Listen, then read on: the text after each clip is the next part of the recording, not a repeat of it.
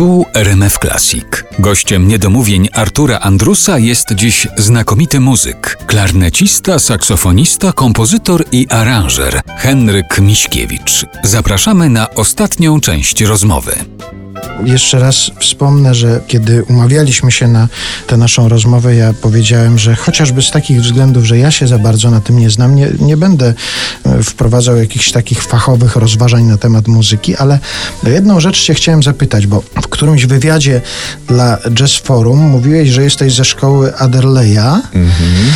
I na płycie Kind of Blue Davisa ciekawie wypada zestawienie saksofonu altowego Adderleya z tenorem Coltrane'a. Adderley brzmi bardzo szeroko, wręcz tenorowo. A jak ty pracujesz nad brzmieniem? Czy w twoim przypadku mają zastosowanie techniki alikwotowe zaproponowane przez Zigurda Rashera? Ale tak poszedłeś, no dobrze. Ja od razu się przyznam, to mi znajomy kolega saksofonista ułożył to pytanie. No więc nie, nie. Ja y, nigdy się nie zastanawiałem nad techniką, tylko profesora miałem takiego w, w szkole, jeszcze w liceum, który bardzo zwraca uwagę na brzmienie. I ciągle mi dopasowywał ustiki, stroiki, żebym, żebym brzmiał, żeby to brzmienie było duże. No i tak, tak się nauczyłem nad tym pracować. Natomiast później, jak już zacząłem grać muzykę jazzową, to znów od kolegów się dowiedziałem, że brzmienie musi być swoje.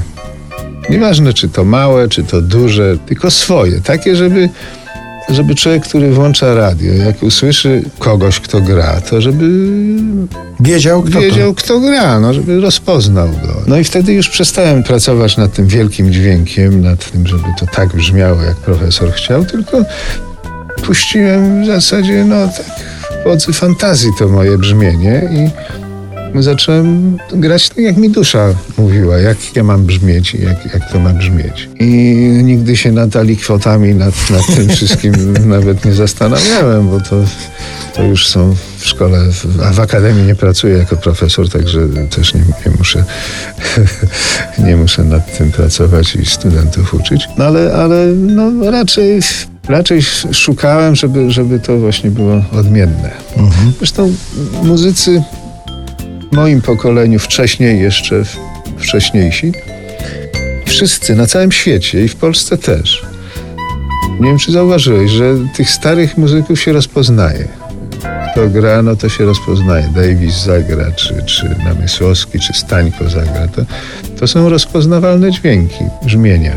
Zresztą jak muzycy przyjeżdżają tutaj do Polski, jak usłyszą jakiegokolwiek muzyka, to pierwsza rzecz, jaką mówią, to good sound. No, czyli to brzmienie jest dla nich bardzo ważne. No natomiast teraz szkoły, te same materiały, te same ćwiczenia, y, profesorowie też zwracają na to uwagę. I ci młodzi ludzie zapomnieli o tym swoim brzmieniu.